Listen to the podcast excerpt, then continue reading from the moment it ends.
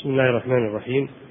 الحمد لله رب العالمين والصلاة والسلام على نبينا محمد وعلى آله وأصحابه أجمعين. أما بعد قال المؤلف رحمه الله تعالى وقد ذكر علماء الإسلام وأئمة الدين الأدعية الشرعية وأعرضوا عن الأدعية البدعية فينبغي اتباع ذلك. بسم الله الرحمن الرحيم. الحمد لله والصلاة والسلام على رسول الله. لا بد للعبد من الدعاء من دعاء الله سبحانه وتعالى. والله جل وعلا أمر بذلك فقال سبحانه وقال ربكم ادعوني أستجب لكم. قال تعالى فادعوا الله مخلصين له الدين.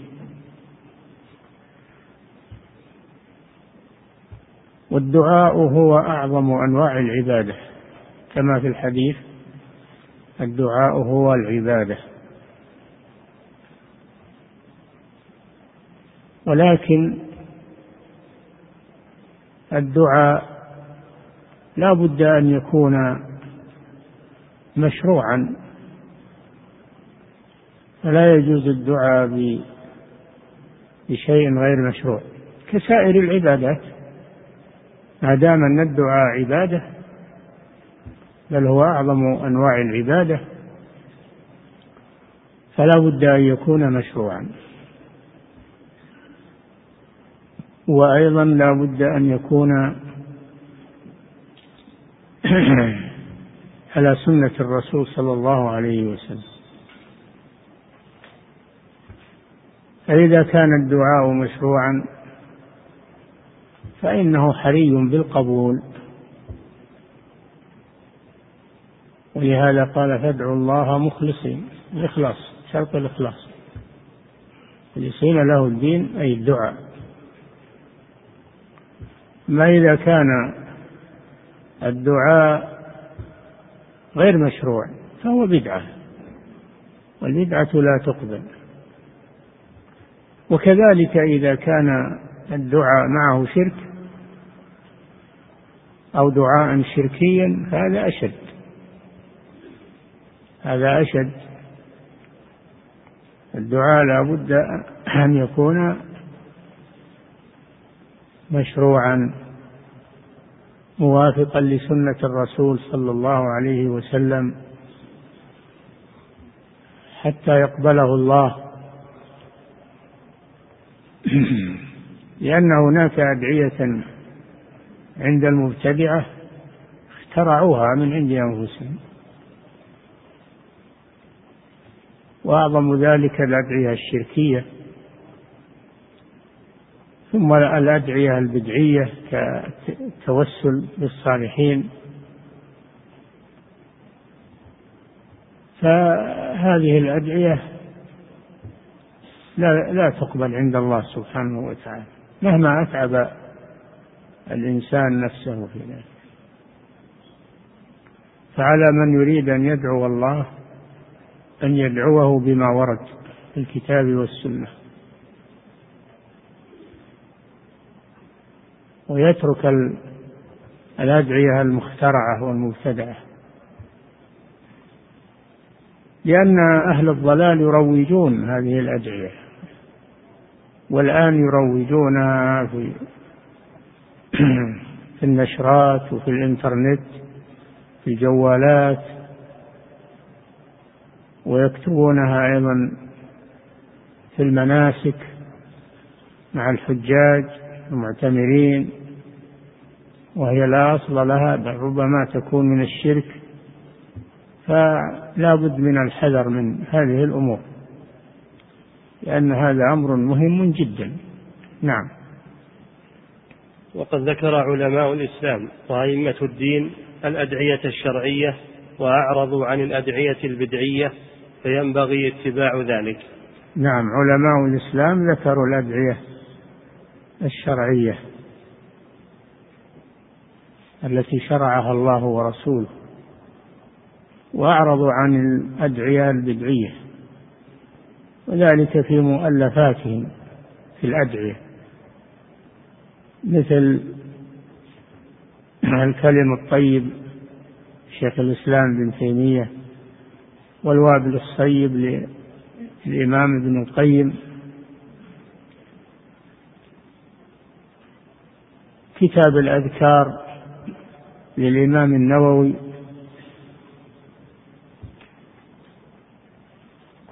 وكذلك الشيخ عبد العزيز رحمه الله بن باز له نبذة سماها تحفة الأخيار. فالذي يريد أن يدعو الله يتحرى هذه الكتب التي استخلصت له من هؤلاء الأئمة. أو يدعو بالأدعية القرآنية. يدعو بالأدعية القرآنية وهي كثيرة في القرآن. نعم. وأعرضوا عن الأدعية البدعية فينبغي اتباع ذلك والمراتب في هذا الباب ثلاث. نعم. إحداها المراتب في باب الدعاء ثلاث. نعم. إحداها أن يدعو غير الله وهو ميت أو غائب سواء كان من الأنبياء والصالحين أو غيرهم فيقول نعم, نعم.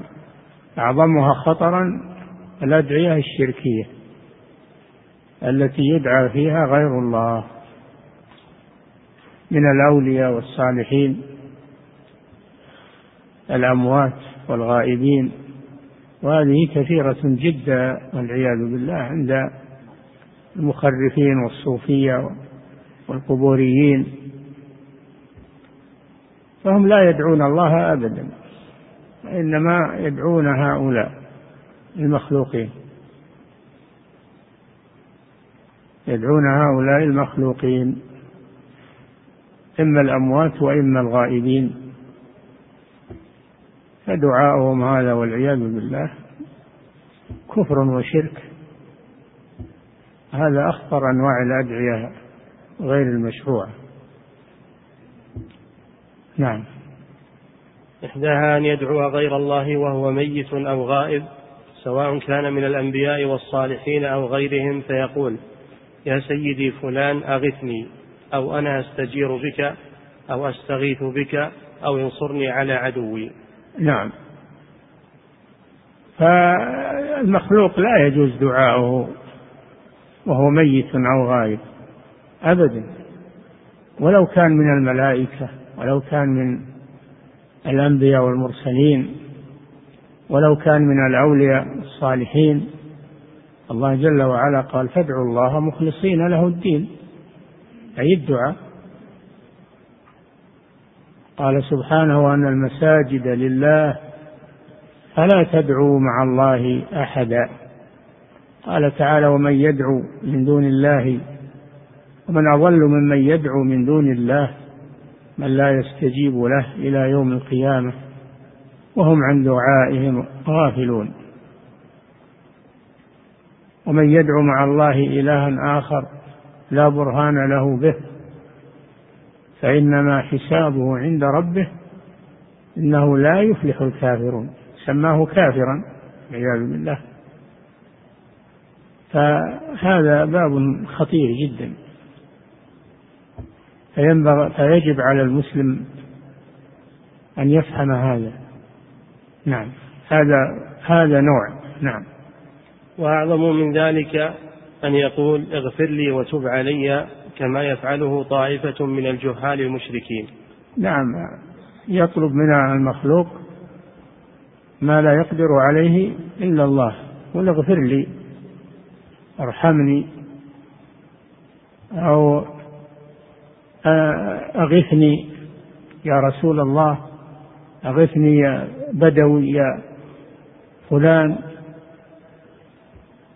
فيدعو غير الله سبحانه وتعالى ويستغيث به. نعم. وأعظم من ذلك أن يسجد لقبره ويصلي إليه ويرى الصلاة إليه أفضل من استقبال القبلة. حتى يقول بعضهم هذه قبلة الخواص والكعبة قبلة العوام. وأعظم من ذلك كونه يدعو غير الله ينضاف إذا انضاف إليه أنه يسجد له يسجد له والعياذ بالله عند قبره ويستقبل قبره ويترك استقبال الكعبة ويرى أن أن قبر الولي أفضل من الكعبة. يقول إن الكعبة قبلة العوام الذين لا يعرفون ولا أما القبر فهو قبلة الخواص الذين بلغوا المرتبة العليا من العلم وأدركوا ما لم يدركه العوام. فهذه والعياذ بالله شركيات جهليات متلاطمة. وما أكثر هذا في البلاد الخارجية غير هذه البلاد. وإن كان يوجد في هذه البلاد لكنه خفي ما يتظاهرون به. ولكن في البلاد الأخرى يعلنونه علانية الحاصل أن هذا شرك والعياذ بالله شرك وعبادة لغير الله. انصراف عن الله سبحانه وتعالى. وهذا ما عمله الشيطان في هؤلاء تلاعب بهم. شياطين الإنس والجن. شياطين الإنس والجن. ما ما ما الأمر ليس مقصورا على الشيطان الغيبي وإنما أيضا شياطين الإنس أشد. يأتون الناس ويكتبون لهم أدعية شركية ويرغبونهم في هذه الأمور. ويقولون هذه هي التي تستجاب وهذه هي اللي تنفع. والعوام مساكين. إذا رغبوا في هذه الأمور لا سيما إذا كان من يروجها ينتسب إلى العلم أو العبادة فإن الفتنة أشد. فهذه أمور يجب التنبه لها. نعم. وأعظم من ذلك أن يرى السفر إليه من جنس الحج حتى يقول إن السفر إليه مرات يعدل حجه وغلاتهم يقولون الزيارة إليه مرة أفضل من حج البيت مرات متعددة ونحو ذلك. نعم. ويضيفون إلى ذلك أيضا أنهم يفضلون السفر للقبور لأجل دعاء الأموات يفضلونه على السفر للحج والعمرة إلى بيت الله العتيق.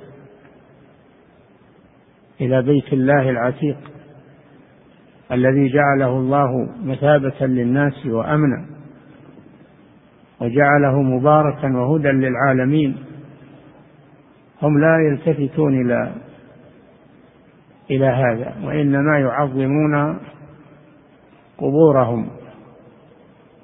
ويقولون للناس لا لا تحجوا إلى الكعبة حجوا إلى القبور. حجوا إلى القبور بدل أنك تسافر للحج والعمرة سافر للقبر الفلاني فإنه مجرب.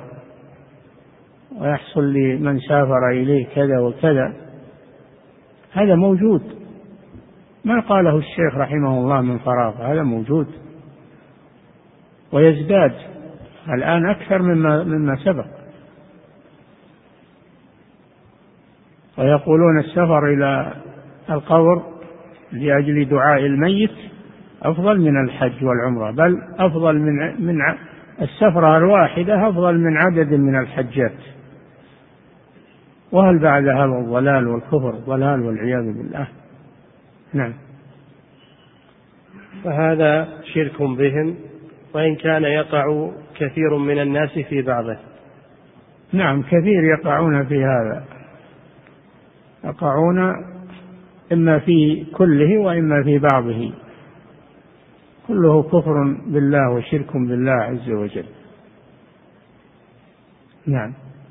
الثانية أي المرتبة الثانية انتهت الأولى وهي الخطيرة.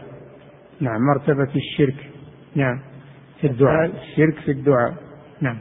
الثانية أن يقال للميت أو الغائب من الأنبياء والصالحين ادعوا الله لي أو ادع لنا ربك أو اسأل الله لنا كما تقول النصارى كما تقول النصارى لمريم وغيرها.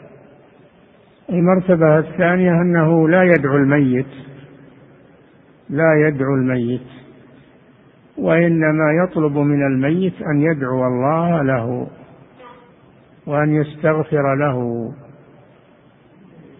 وأن يستغفر له والميت لا يطلب منه شيء لا الأنبياء ولا غيرهم لا يطلب من الأموات لا دعاء ولا استغفار ولا غير ذلك.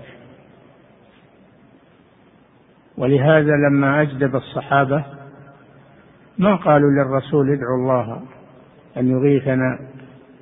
لما أجدبوا بعد موت النبي صلى الله عليه وسلم ما ذهبوا إلى قبر الرسول وقالوا يا رسول الله أجدبنا ادعوا الله لنا كما كانوا يقولون ذلك في حياته عليه الصلاة والسلام.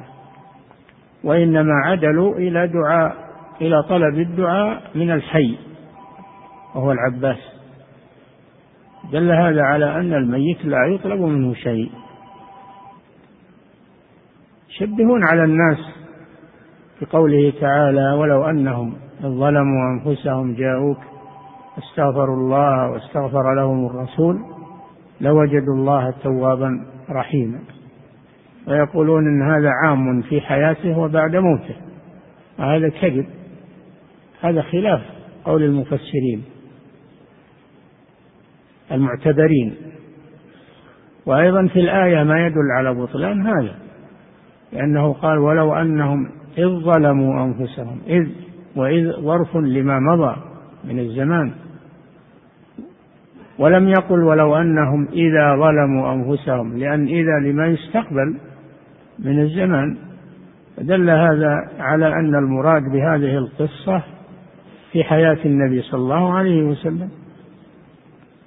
لما أن المنافق طلب التحاكم إلى كعب بن الأشرف بدلا من الرسول صلى الله عليه وسلم وأنزل الله الوحي في ذلك وجاء يعتذر إلى الرسول صلى الله عليه وسلم